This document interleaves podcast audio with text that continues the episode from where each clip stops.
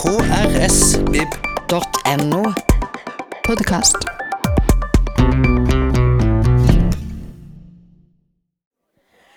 Hei og hjertelig velkommen til Fredagslunsj. Så fint å se dere alle sammen. Dere er ikke på høstferie, skjønner jeg. Så det er bra. Skolemestrenes konge kalte Oskar den andre Andreas eh, Ferhagen. Det er store ord. Men hvem var han? Eh, og hva rørte seg i samtida hans? Og hvorfor er han nærmest glemt? Dette og mye mer skal vi nå få høre om når vi har fått besøk av biografen for den eh, nokså ferske boka om eh, Ferhager. Vi er veldig glad for å ha forfatteren og professor Ernst Håkon Jahr her. Ta han godt imot.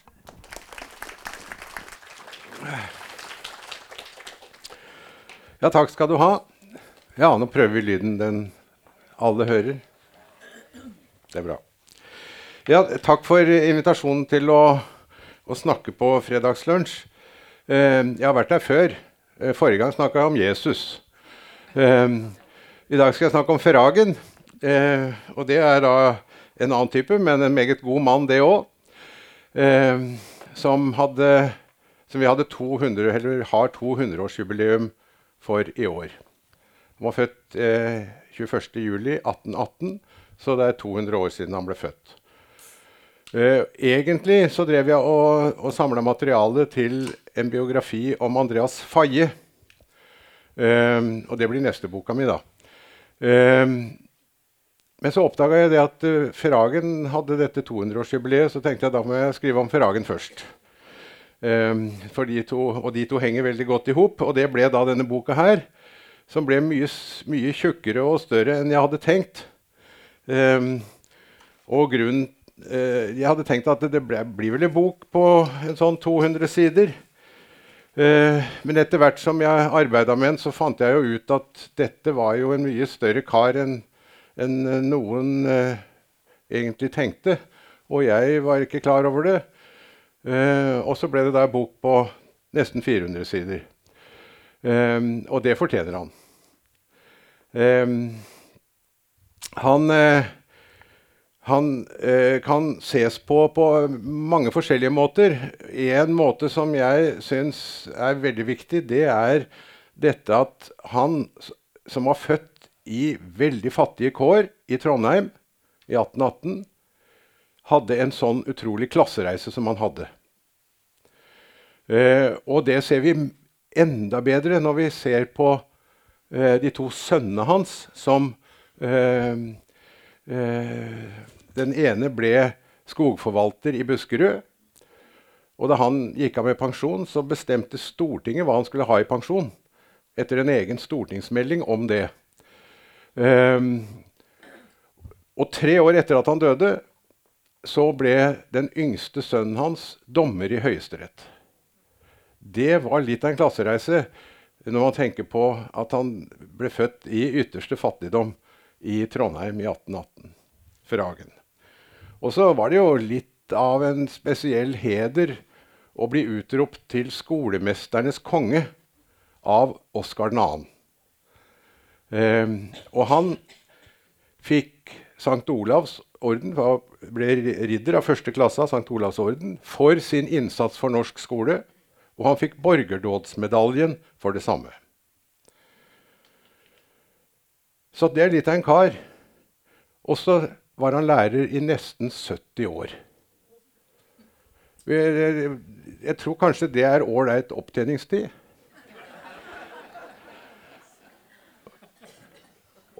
Og han var tre av de, av de nesten 70 åra, så var han tre år her i byen. Og så var han nesten 66 år i Holt ved Tvedestrand. Og de fleste forbinder han med Holt. Og det er riktig å gjøre. Og Holt er egentlig utrolig bygd på 1800-tallet. I dag så er det ikke så veldig mange utafor Sørlandet i hvert fall, som vet så mye om hvor Holt er. I hvert fall i forhold til hvor mange som visste det på 1800-tallet. For på 1800-tallet så var Holt på en måte senter for skole i, i Norge. Den skolen som Ferragen hadde, var sett på som, det, som, en mønsterskole for alle skoler. og holdt seminar, som var lærerutdanninga. Eh, holdt til i Holt fra 1839 til 1877. Den var eh, et av de fremste lærerutdanningsstedene eh, på 1800-tallet. Um, og det var starten på Universitetet i Agder. Så, eh, og så kom det mange andre eh, veldig viktige folk fra Holt. Bare nevne dem fort. Eh, Pga. Nes jernverk. Som, det var selvfølgelig veldig viktig at det ligger der. Jakob Aall og Nikolai Aall etter han. Eh, Knut Knutsen, som mange vil kjenne som bokmålets far. Han kom derfra. Eh, det var eh, Ja, det, det, tror jeg skal ta og nevne, fordi eh, det er noen som tror at det er en annen. Men den første kvinnelige redaktør i Norge kom fra Holt. Og det er ikke noe så veldig mange som vet. Um, hun het Elise Tvede. Um, er mer kjent som Elise uh, Wernskjold. Men um, Elise Tvede het hun da hun ble født. Var uh, datter av presten Tvede. Uh, og, og, hun var den første kvinnelige redaktøren i, i, Norge, som sagt. Hun redigerte et blad om utvandring til Amerika. Um, da, det var, da, det var, jubileum for Markus Trane uh, nettopp, så ble det nevnt uh, Det sto artikler om, det, om henne i Klassekampen. Kona hans. Og da ble det sagt at hun var den første kvinnelige redaktør i Norge kona til Markus Trane. Men Elise Tvede var, var før. Eh, og slik er det litt med Andreas Ferragen også. At han var veldig tidlig med mange ting. Og så er det blitt glemt. Og hvis man leser historia om disse forskjellige sakene, så er ikke han med i den historia, selv om han burde ha vært der. Jeg skal nevne ett eksempel. Um, de fleste av oss her forbinder søndagsskole med eh, skoler for barn på søndag som har kristent innhold. Ikke sant? Eh, men eh, søndagsskole Da han vokste opp, så var søndagsskole det var en fagskole for voksne gutter. Det var gutter som ville ha mer enn de fikk på skolen, og som gikk på søndager. Og så var det folk som frivillig var lærere der, for å hjelpe disse guttene videre fram i kunnskap. Så det var søndagsskole da. Men da Ferragen var lærer her, i de tre, jeg nevnte han var i tre år, så kom det to kjøpmenn til han, og så sa de det at skal vi ikke lage en, en søndagsskole for barn? Altså små barn. Og for, for de hadde allerede søndagsskole for voksne gutter, sånn som jeg nevnte. Så sa Ferragen at nei, det syns jeg nok ikke, fordi at disse små barna går jo på skole øh, hver dag. Og så eh, på søndagen bør de i grunnen ikke holde på med fag. Men, sa han, hvis vi kan ha det som en sånn barnegudstjeneste, så vil jeg gjerne være lærer for det. Og det er jo den søndagsskolen som vi kjenner. Men hvis du leser søndagsskolebevegelsens historie, så er Ferragen ikke nevnt. Og det var, dette var i 1845. Og hvis dere leser søndagsskolebevegelsens historie, så vil dere se at den aller første av sånn type søndagsskole, det var i Stavanger 1844. Og det var en som het Svendsen, som satte i gang den. Og han hadde vært i England og sett sånne skoler der. Og så kom han til Stavanger og så lagde han akkurat det samme som han hadde sett i England. Men Ferragen, som var her, han tenkte ut det sjøl.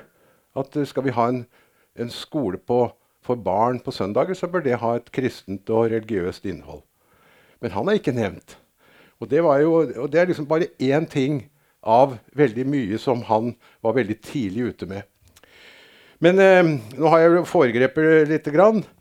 Eh, eh, ja, forresten, hvor mange her er det som har vært på Ferragen skole? Ja, det er en del av dere. Og det er altså den skolen på Holt som han hadde. den Nokså fort så begynte biskopen eh, van der Lippe å kalle den for Ferragen skole.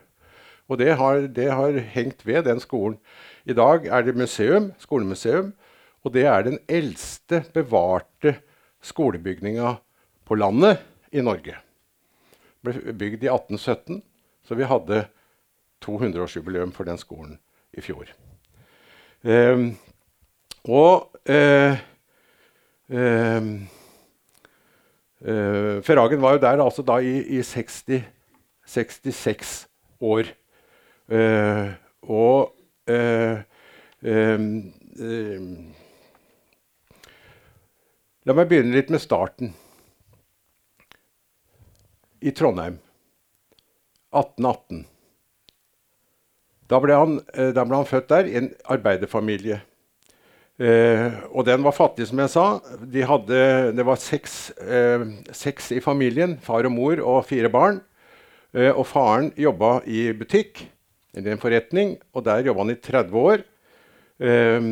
så han var en solid kar og, på samme sted, men det var ikke rare lønna han fikk. Men Ferragen hadde den, det var heldig, fordi at i det området der han bodde, det, var, det hørte til Vår Frue sogn. Vår Frue kirke de, Den kirken den hadde etablert en god allmueskole. Og der gikk Ferragen. Og han eh, utmerka seg jo fort fordi han hadde veldig gode eh, evner. Og det er jo det som er det eksempelet at eh, en, en, gutt med gode evner, som i tillegg har litt flaks, kunne nå så langt på 1800-tallet i den ordninga som vi da hadde i Norge etter 1814. Um, og uh, han måtte ha flaks, som jeg sa. Og den, den første gang han hadde flaks, var en dag da sognepresten til Vår Frue kirke, som het Bendix Støren, kom for å høre på uh, undervisninga, og det gjorde Støren ofte. For det var prestene som hadde ansvar for dette. Og så sa han til læreren Du, jeg, eh, jeg skal en tur opp til Mosvik, som er i Nord-Trøndelag. Eh, der dattera mi, holder til. Og jeg, lurer, jeg trenger å ha med en gutt som kan hjelpe meg på veien. En sånn hjelpegutt.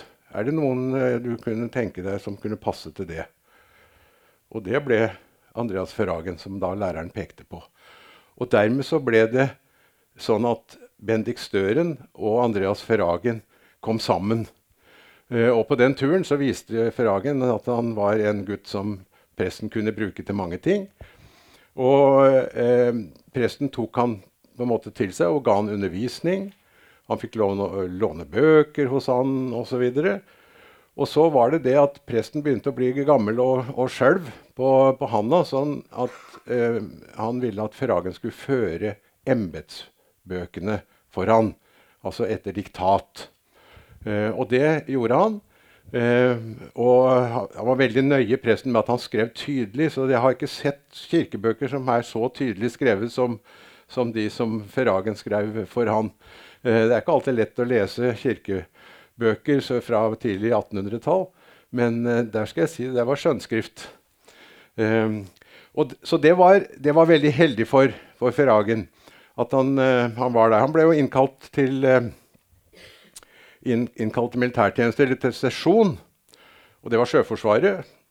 Da hadde han med seg et brev fra uh, Bendik Støren hvor det sto at Ferragen, Andreas Ferragen bør bør uh, ikke gjøre militærtjeneste, bør slippe den, for han skal bli lærer. Uh, og da skrev den, som, den, offiseren som hadde med det å gjøre, 'sjøudyktig'. så da slapp han unna det. Så, men så, uh, så etter hvert så modna det en sånn drøm i, i Ferragen om å bli lærer på en landsens skole. Det var det som var den store drømmen hans. Ehm, men det var eh, foreløpig så var han da hos, hos eh, Støren. Men så var det det at Støren hadde en datter til som gifta seg 40 år gammel med en kar fra Kristiansand som var 50. Og så skulle de bo i Kristiansand. Og så var Støren nå blitt så gammel at han måtte gå av. Og han var litt helsesvak, så han skulle være med dette ekteparet til Kristiansand og bo her sine siste år. Og da sa han til Ferragen du må bli med meg. For nå er jeg blitt så å si avhengig av det. Han sa vel ikke det, da, men han var det. Eh, og Ferragen, som da var 21 år, han eh, sa OK, jeg blir med. Og så flytta han til Sørlandet. Sånn kom han til Sørlandet. Det het jo ikke Sørlandet da, men da, da, sånn kom han til Kristiansand i første omgang. Og den turen fra Trondheim til Kristiansand tok tre uker. Ja. Og det var hest og kjerre, og det var ikke bare én, men det var jo flere. Eh, for det var jo et helt flyttelass. Og da var det sånn at eh, Ferragen hadde som jobb på den turen å åpne grindene. For det var så mye grinder overalt. Og det var klart, det. For veiene det gikk jo ikke mellom byer og sånn den gangen. Det gikk jo mellom gårder. At, og da var det jo grinder for at ikke kyrne skulle rømme fra den ene gården til den andre. Så han måtte ut og åpne disse grønnene. Så det var, det var hans jobb på, på, den turen. Og det tok tre uker. Da han kom til Kristiansand, så likte han seg veldig godt her. Men ikke Støren. Han sa det at de snakker jo nesten dansk her. Og han syntes altså, det er, det er provinsiell, by. Han likte ikke det. Han syntes det var mye bedre i Trondheim. Men i, i hvert fall, han, de var nå her. Og det første Ferragen gjorde, var å oppsøke søndagsskolen. Altså for voksne gutter. For han ville da gå videre der. Men de eh, som var lærere der da, det var, som jeg sa, det var jo frivillige folk som, som ga undervisning. De skjønte jo at her kom det en som kunne mye allerede. Så de sa at kan ikke du bli lærer? Så han underviste i, i norsk da, i, på, på, den søndagsskolen. Um, samtidig som han da fortsatte å være hjelpegutt hos Støren. Samme måned som han og Støren flytta fra Trondheim til Kristiansand, i september 1839, åpna seminaret på Holt sin virksomhet. Det var da etablert, og det var en statlig institusjon, altså lærerutdanning. Og det var Andreas Faye, sognepresten i Holt, som var bestyrer og førstelærer der. Og seminaret holdt jo til på, eller i prestegården i annen etasje, eh, i to rom der. Og da skjønte jo Ferragen etter hvert at eh, skal jeg bli lærer, så må jeg jo gå på seminaret. Og det var ganske uvanlig. altså de, Nesten alle som gikk på seminaret, var bondesønner. Um, og, uh, og, det var ett seminar i hvert stift, i hvert bispedømme. Så Holt seminar var jo da for Kristiansand stift. Og det omfatter jo Rogaland og Telemark og, og, hele Agder. sånn at det var jo et stort stift. Det var derfor Arne Garborg gikk der, f.eks. For eksempel. Fordi at uh, det omfatta, var omfatta av stiftet Kristiansand. Men det kosta jo penger å gå der. Um, fordi, ikke fordi det var skolepenger, men fordi de måtte jo betale for kost og losji til bøndene som de bodde hos, gjerne, på gårdene rundt. Um, prestegården, hoppsann. Uh, uh, og de måtte jo kjøpe bøker, i den grad det fantes bøker. Og, hadde, og Ferragen hadde ikke penger. Han fikk lite grann lommepenger eh, av presten, men ellers hadde, bodde han jo gratis selvfølgelig hos han, og han fikk jo mat hos presten. Så det var det som var. Men han hadde ikke penger. Og så tenkte han ja, jeg må se hva jeg, hva jeg kan gjøre. Jeg må jo på seminar hvis jeg skal bli lærer. Og så skrev han en søknad til Andreas Faye, altså holdt seminar. Uh, og, så skrev, og, så skrev, han hvor lenge må jeg gå på seminar for å ta eksamen. Den var jo toårig. Det var toårig. Så hvor lenge, Kanskje jeg ikke behøver å gå der i det hele tatt. Kan jeg bare komme og ta eksamen? Eh, eller, eller, må jeg gå ett år? Eller, eller, går det an å i det hele tatt gjøre noe? Han skrev ikke i søknaden at det var fordi han ikke hadde penger, men det skjønte selvfølgelig Faye. Um, så Faye skrev tilbake og sa at uh, du kan begynne rett i annen klasse hvis det viser seg at du har de kunnskapene inne som seminaristene har etter første år. Så du må komme til sommeren, så, og så skal vi, skal vi da eh, ha en prøve for deg og intervjue deg. Så Ferragen han leste alt han kunne, og han hadde lest masse fra før. Det skrev han om i søknaden. Og så framstilte han seg til denne prøva hos eh, Faye og de andre lærerne på seminaret sommeren 42, 1842. Og det var jo, han gikk jo langt utapå de som hadde gått der ett år. Så han kom jo rett inn. Og gikk der i ett år. Og så tok han eksamen med Jacob Aall som sensor. Eh, no less, som det heter nå. Eh, så, eh, og da fikk han da den aller beste karakter som det overhodet var mulig å få. Og det gikk ti år før seminaret hadde en, en ny elev som fikk samme karakter. Så Andreas Faye skjønte jo med en gang at her har vi et talent, og jeg må for all del få tak i det talentet til seminaret.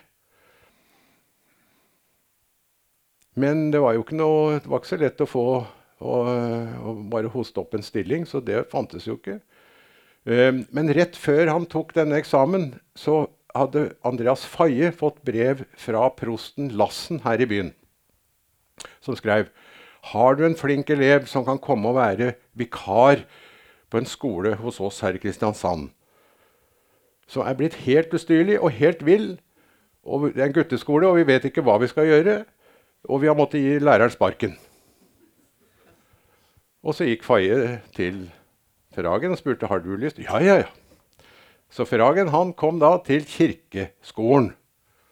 Det het den faktisk, den ville skolen.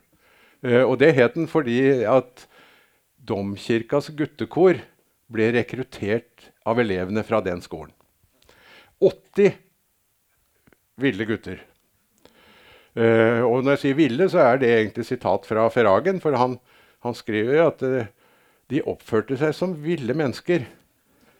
De løp opp og ned på bord og benker og hoppa rundt og gikk ut og inn akkurat som de ville.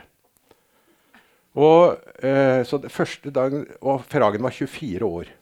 Da var Ferragen 24 år. så det første han gjorde, det var å bare å stå og se på dem den første dagen.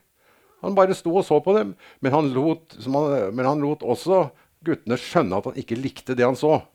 Men han sa ingenting. Dette var jo en merkelig oppførsel av en lærer, syns nok guttene. Da. Men eh, så dagen, dagen, etter så begynte Ferragen å organisere dem litt. Han sa det at nå skal vi ha så Han satte nummer på, på benkene der de skulle sitte, og forskjellig sånn. Og, og så begynte han å jobbe med dem, slik at han etter hvert et tillitsforhold til, eh, til, disse guttene. Blant annet så gikk han og snakka med folk som kjente dem. Og så sa han uh, hva de pleide å finne på av uh, påfunn og, og, og slike hyss. Um, og så var det jo en gang så, så kom han inn, og så var rommet helt fullt av røyk. Og da, da ropte guttene at ja, når det er sånn mye røyk her, så da pleier vi å få lov å gå hjem. Og da hadde jo Ferragen hørt om det. Så han sa kan den som har putta ei fille inn i, inn i øh, røret, gå og ta den ut igjen. sånn at vi kan, så, så, så, så åpna han vinduene for å få ut røyk, og sånn så de kunne se. Og de guttene kunne jo ikke skjønne hvordan han kunne vite om den filla. Så, men etter en stund så reiste jo en gutt seg og gikk og, og, og tok ut filla da, fra den også. Sa Ferragen at ja, det der syns jeg ikke noe om, men, men, nå er vi ferdig med det. Og så kom Lassen på prosten på uh, ganske hyppige besøk for å se åssen det gikk selvfølgelig med denne skolen. Og han var veldig fornøyd med utviklinga, men han sa, spurte og var, var, guttene var redd, var redd, for han, for han pleide å forordne uh, korporlig straff. Um, så han spurte Ferragen ja, er det noen her nå som uh, uh, har gjort ting som, som, de kanskje ikke skulle gjøre. Og da var det en, en, av guttene som visste veldig godt at han lå dårlig an. Um, så sa Ferragen ja, det kan nok være det, men, men det ordner vi opp. Og da hadde han jo på en måte redda gutten. Og, så da Lassen syntes jo det var greit. Uh, men på den måten så fikk han et godt forhold til, uh, til guttene, og, og, skolen retta seg veldig. Og så kom Lassen en dag og så sa han det at i morgen kommer biskopen. Biskopen var von der, uh, von der Lippe. Og han var kjent, Hvis dere leser om han i leksikon, og sånn, så, så, står det at han var veldig arrogant overfor skolelærere. og, og, han kom, da. Uh, og dette var jo rett etter at han hadde tiltrådt. Han var ganske ung, han var i 40-åra faktisk. Um, og, uh, og, så sa han til Ferragen du skal gå gjennom dette bibelstedet her. Og så skal, vi, skal du ellers undervise sånn som du pleier. Ja, ja. Så Ferragen gjorde det. Han regna med at biskopen kom for å høre på en time eller to, kanskje. Um, og så ble han hele formiddagen. Og det var sånn jeg sa, det var 80 elever, og var, han hadde 40 elever på formiddagen og 40 elever på ettermiddagen. Uh, det var sånn det var delt opp. Og biskopen var hele formiddagen. Og så, og sa han ja, jeg kommer igjen i ettermiddag. Og det kunne ikke Ferragen egentlig skjønne, for det var jo helt uvanlig at prestene og dem kom og skulle høre på egentlig akkurat de samme timene, bare med en annen sånn. Men biskopen var der hele tida. Men så sa han han var veldig fornøyd. Og så Dagen etter kom da Lassen og sa at det var visitas. Du hadde, hatt, du hadde visitas i går. Og det er jo ikke, Vi er jo ikke så vant med så mye med visitas lenger nå, men altså det var jo det, var det, det liksom mest alvorlige som kunne skje. Det var at biskopen kom på visitas. Um, for da skulle det skrives rapport og alt mulig sånn. Men den rapporten ble jo helt glimrende. Og, og seinere også, når, når det, eh, biskopen kom på visitas hos Ferragen etter at han hadde kommet til Holt, så var det alltid strålende rapporter fra biskopen. Så om han var arrogant generelt mot skolelæreren, så var han aldri det overfor Ferragen. Um, men det, gikk, det, ryktes jo med en gang at Ferragen var en sånn glimrende lærer. Og så kom det under vær med at han fikk bare halv lønn. For hvem stakk av gårde med den andre halvparten? Jo, det var han som hadde fått sparken. Det var nemlig sånn at jo, det var liksom, De var jo lærer og kirkesanger.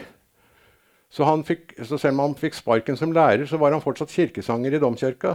Så det var vel det som da gjorde at han fikk uh, halve lønna. Men, men, var, men så, så Ferragen fikk altså bare halvparten av den lønna som var vanlig for en lærer. Og, og da skrev, var det noen som skrev i en av avisene og sa det at hvordan i all verden skal vi kunne holde på denne, denne læreren, som er så glimrende og har fått sånn orden på den der umulige kirkeskolen, når han bare får halv lønn? Um, og det ordna de veldig fint. Uh, de, de, lagde en ny skole for Ferragen. Det er godt gjort. Uh, jo da, de lagde en ny, Den het da Den nye drengeskolen. Og den åpna 1.1.1845, rett ved sida av borgerskolen. Og uh, Fint utstyrt og alt, så Ferragen var jo så fornøyd. Og Der var det også 80 elever. Og 80 gutter, da. Eh, så, der, så, da underviste han der. Og de, eh, og de, var jo ikke i utgangspunktet sånn umulig, da, så det var jo litt enklere, kanskje. Men, men så var han altså rett ved siden av borgerskolen, så det betydde at han også hadde timer der. Og så, eh, så kom Lassen, prosten, og så sa han vi har noe som heter Karl Johans stiftelse. Der bor det forskjellige folk, men det bor også barn der. Og de trenger undervisning. Kunne du ta det? Ja, ja, så gjorde han det. Det var jo hver ettermiddag. Så var han der. Og så var det de, disse kjøpmennene som jeg sa, som kom og, og spurte han om uh, søndagsskole. Og da han sa ja, hvis den er religiøs. Uh, de hadde barn som trengte privatundervisning. Så Ferhagen ga dem privatundervisning på uh, lørdager og søndager. Så det var ikke lite han hadde å gjøre, Ferhagen. I tillegg så ryktes det jo i bygdene rundt at det var en sånn uh, lærer i Kristiansand sånn at gutter som aspirerte til å bli omgangsskolelærere, de gikk inn til Kristiansand og spurte Ferragen kan ikke du undervise oss litt. Fordi at Hvis du skulle bli omgangsskolelærer, så var da uh, prosessen at du måtte lese, tilegne deg kunnskap, og så framstilte du deg for presten til en eksaminasjon. Og hvis presten sa ja, så var du omgangsskolelærer. Så de måtte gjøre det. Og så de kom til Ferragen, og, og så, så da hadde han jo da eh, norsk og regning og kristendom med dem. Eh, disse guttene som kom fra bygdene rundt. Det var en utrolig arbeidsmengde han hadde. Og jeg har prøvd å regne ut da, hvor mange timer sånn, Hvis jeg forsiktig sier at han i hvert fall hadde 60 timer per uke i de tre åra han var her. Det, er, det tror jeg er eh, nokså opplagt at det måtte være sånn. Um, og da har jeg ikke latt, tatt mye til, til forberedelser og, og, etterarbeid og sånn. Så det var veldig arbeidspress. Men likevel så greide han altså å gå hen og, og forelske seg og forlove seg. Og det var med Elisabeth Olsen fra Festningsgata 10. Der bodde hun sammen med fem søstre og én bror. Og det er i grunnen disse seks søstrene som er berømt fra den familien. Eh, familien eh, til Adrian Olsen, som var skomakermester.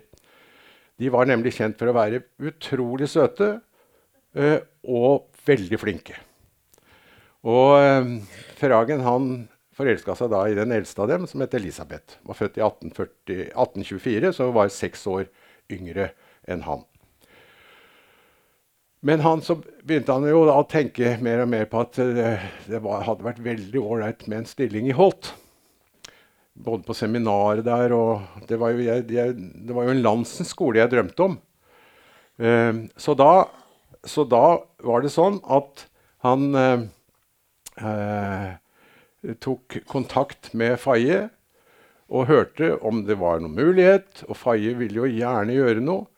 Men eh, det ble først mulig da eh, stillinga som lærer på Holt Det var altså lærer og kirkesanger i, på Holt skole eh, ble ledig. Og den ble ledig fordi at eh, han som var lærer der, han sa opp og dro til Amerika sammen med far sin og bror sin. Så de emigrerte.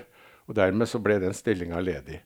Det ble litt vanskelig egentlig som, som merkelig, merkelig, sak som skjedde, det var det at, at uh, faren til han som var lærer, som hadde vært lærer før, han skulle ha pensjon, og den skulle Ferragen betale. Ja, det var bestemt av, ved kongelig resolusjon at sånn var det. Uh, også i og med at han skulle reise til Amerika, så sa han jeg vil ha alt på en gang. Takk. Og da sa Ferragen da kan jeg ikke komme til Holt. For jeg har ikke det. Jeg har ikke penger. Uh, da, men det ville ikke Faye godta, så han gikk da til verkseieren, Nicolai Aall, og så sa han uh, du må hjelpe til her. Og så stilte verkseieren de pengene til rådighet som lån til uh, Ferragen, som, og dermed så kom han. Og så brukte han åtte år på å betale tilbake det.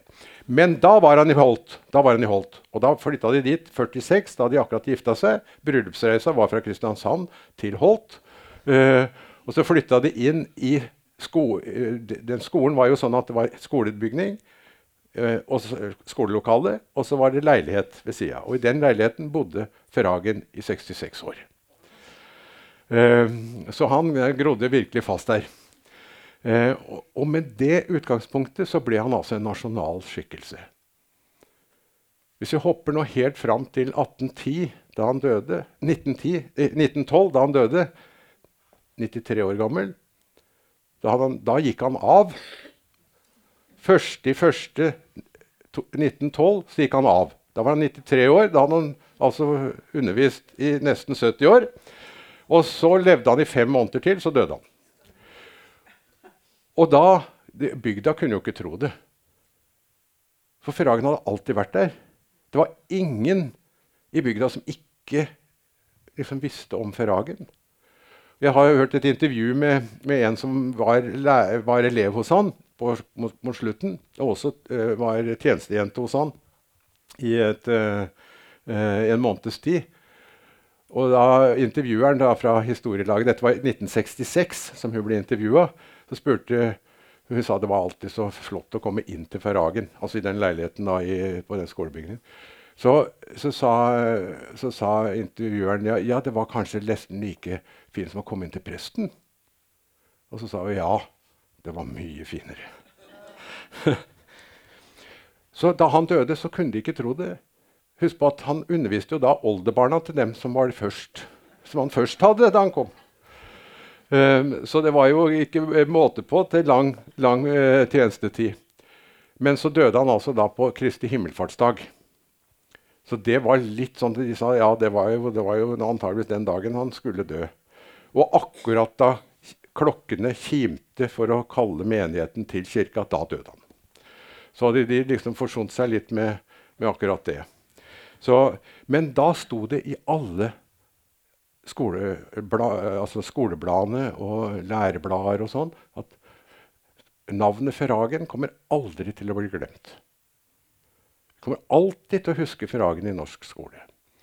Og det var fordi han hadde betydd så uendelig mye den tida han gjorde nasjonalt. Fordi at med utgangspunkt i Holt så virka han eh, eh, til utvikling av norsk skole. Og det gjorde han på veldig mange forskjellige måter. Men han hadde jeg sa han hadde, måtte ha litt flaks. Han hadde flaks med Støren, som han møtte.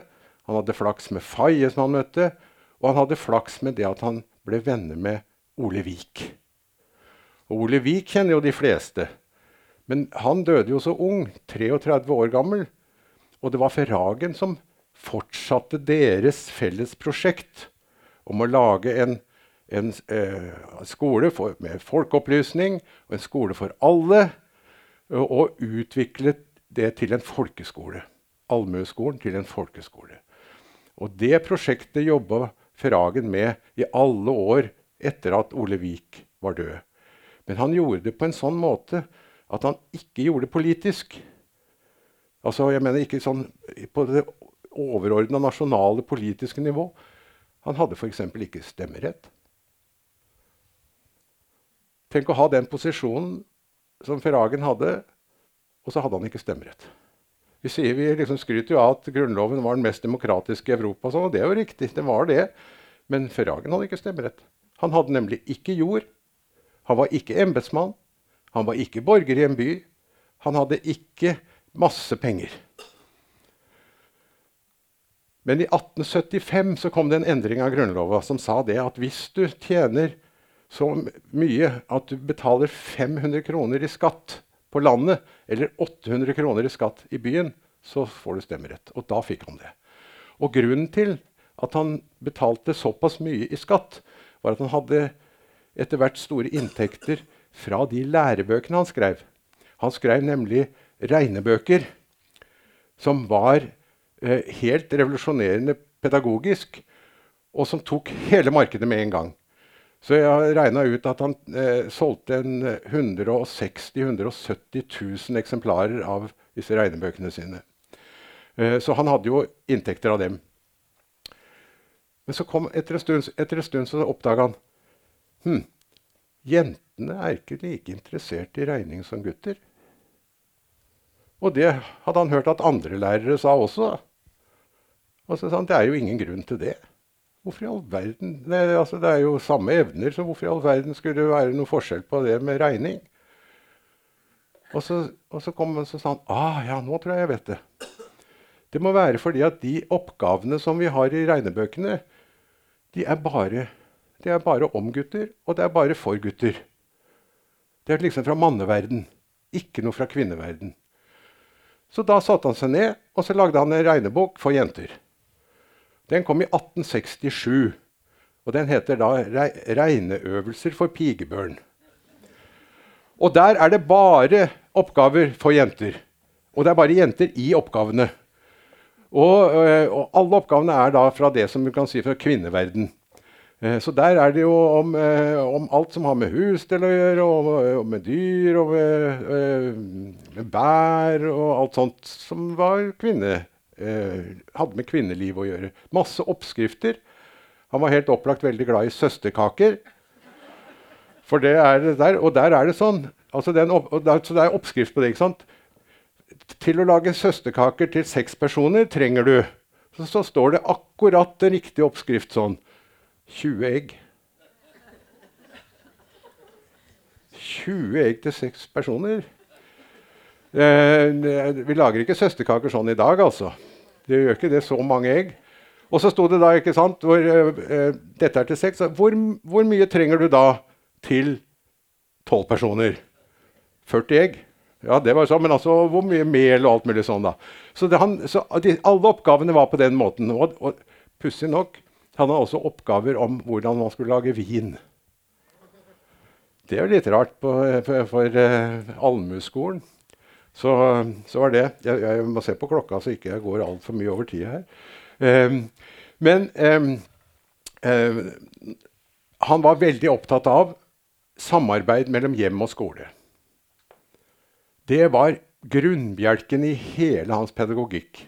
At hjemmet og skolen måtte samarbeide. Og hvis de ikke gjorde det, så gikk det ikke. Så han var veldig ofte på hjemmebesøk hos uh, familiene rundt omkring i bygda. Og hvis han visste at der er det en som skal begynne på skolen, uh, så kom han gjerne på, på, og, og snakka med dem på forhånd. Han ville gjerne at de skulle lære bokstaver og helst kunne lese før de kom på skolen. Det skulle foreldra gjøre. Men han sa, altså, sånn som han sa, var det at barnas foreldrene har ansvar for barnas oppdragelse. Det er, det er foreldras ansvar. Og når barn er døpt, så skal de jo oppdras i den kristne tro. De skal oppdras til å bli gode mennesker. Det er foreldras ansvar. Når barna kommer på skolen, så skal selvfølgelig læreren hjelpe foreldrene med oppdragelsen, men det er foreldra som har ansvar for det, og det er de som må, det, det må ligge i bånn. Skolen skal så eh, gi elevene kunnskaper som gjør at de får et godt liv. Og skal de gjøre det, så må de jo lære ting på skolen som de har bruk for. Sånn? Nyttige ting. Derfor så la han alt sånn nyttige ting inn i sånne regneoppgaver, og sånn, slik at de hele tida kunne ha bruk for det seinere i, i, det praktiske liv. Og målet liksom, med hele livet var jo å komme til himmelen. Han var jo veldig religiøs, men hadde en grundtvigiansk kristendom. Uten at han flagga det noe, for det var jo en veldig strid, som mange av dere sikkert vil vite om, mellom de, høy, si, de høykirkelige og grundtvigianismen, eh, de som støtta grundtvigianismen. Så eh, han, eh, han flagga ikke det. For har, det som har forundra meg litt, er jo at til tross for at han skrev om skole og pedagogikk, artikler og bøker i over 50 år, så var han ikke i strid med noen. Han unngikk strid hele tida. Og jeg har heller ikke funnet noen som har sagt ett vondt ord om den mannen. Noe sted. Det er godt gjort når han er blitt 93 år. Men, eh, men altså eh, Han virka hele tida i skolen. Ikke der oppe på det politiske planet. Og det er grunnen til, tror jeg, at til tross for at de sa han kommer aldri til å bli glemt De som sa det når de var døde, så var det ikke noen flere til å fortelle om Ferragen. Og derfor så ble han så fort glemt. Men det betyr jo ikke at han ikke At vi burde huske på han.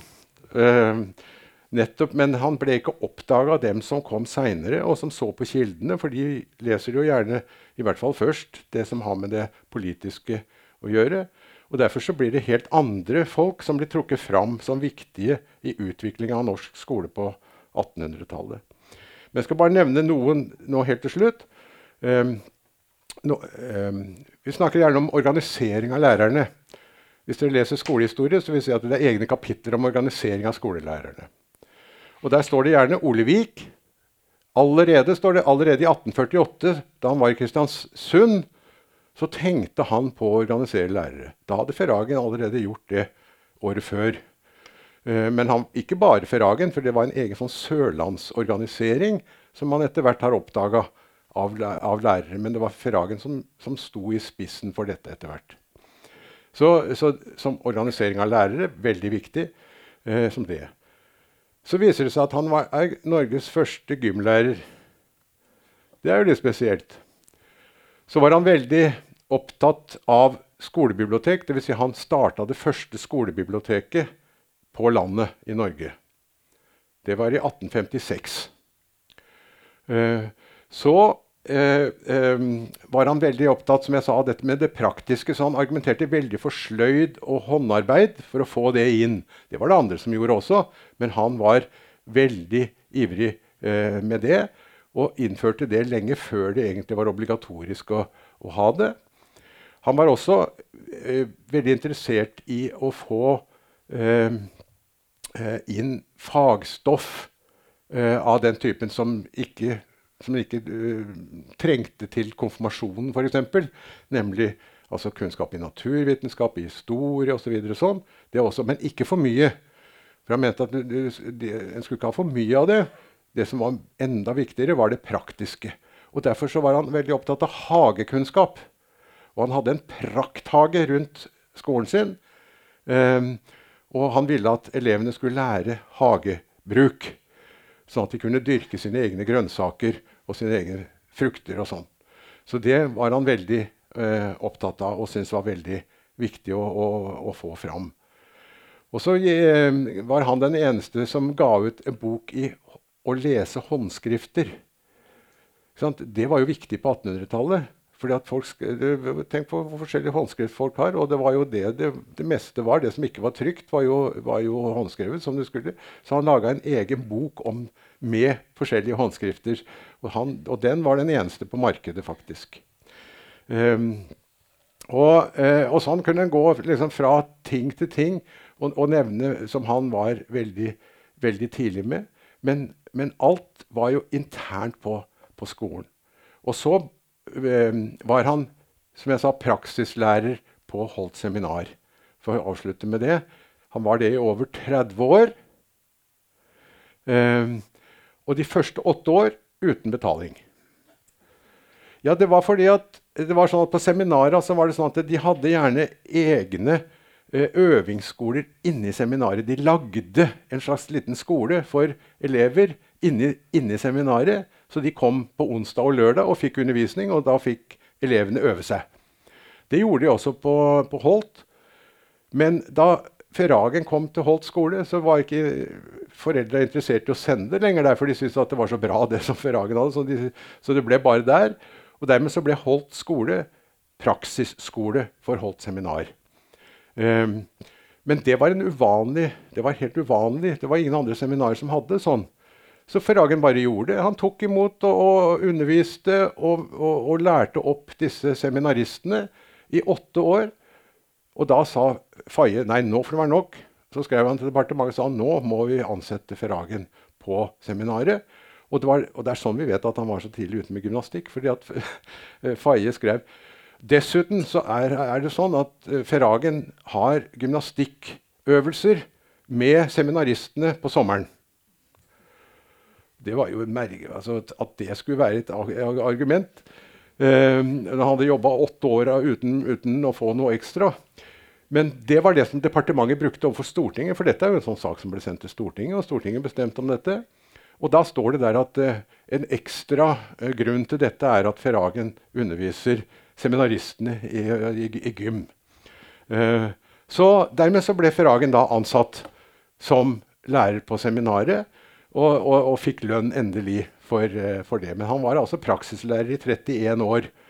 Og da seminaret eh, skulle flytte fra Holt til Kristiansand, som det gjorde i 1877, så eh, var det viktigste argumentet mot flytting For det var selvfølgelig mange som ikke ville det.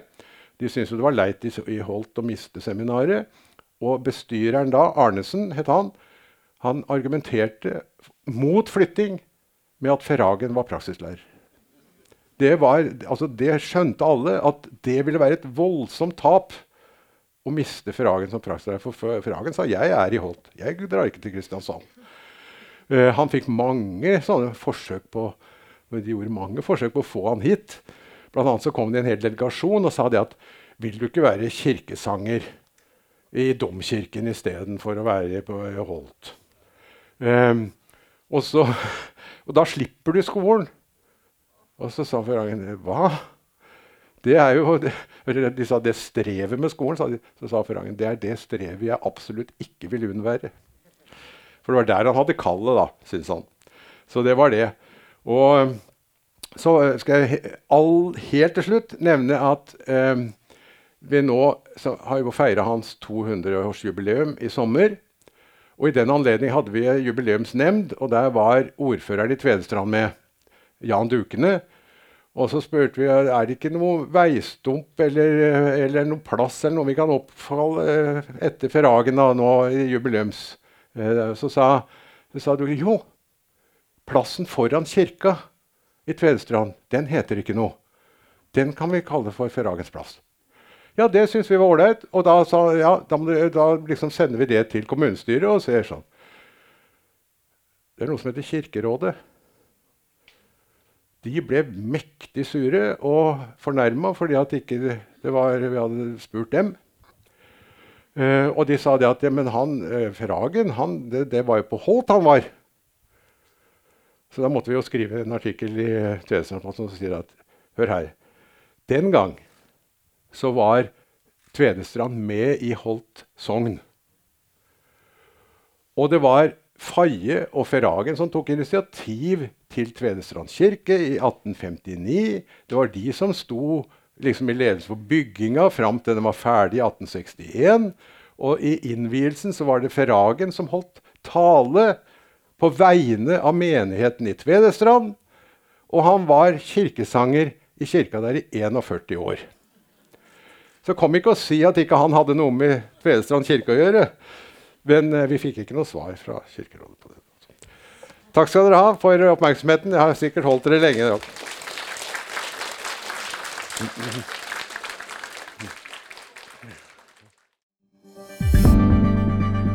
Flere podkaster fra oss finner du på Google Podkast, Apple Podkast eller iTunes, eller ved å stikke innom vår hjemmeside på krsbib.no. krsbib.no. Podkast.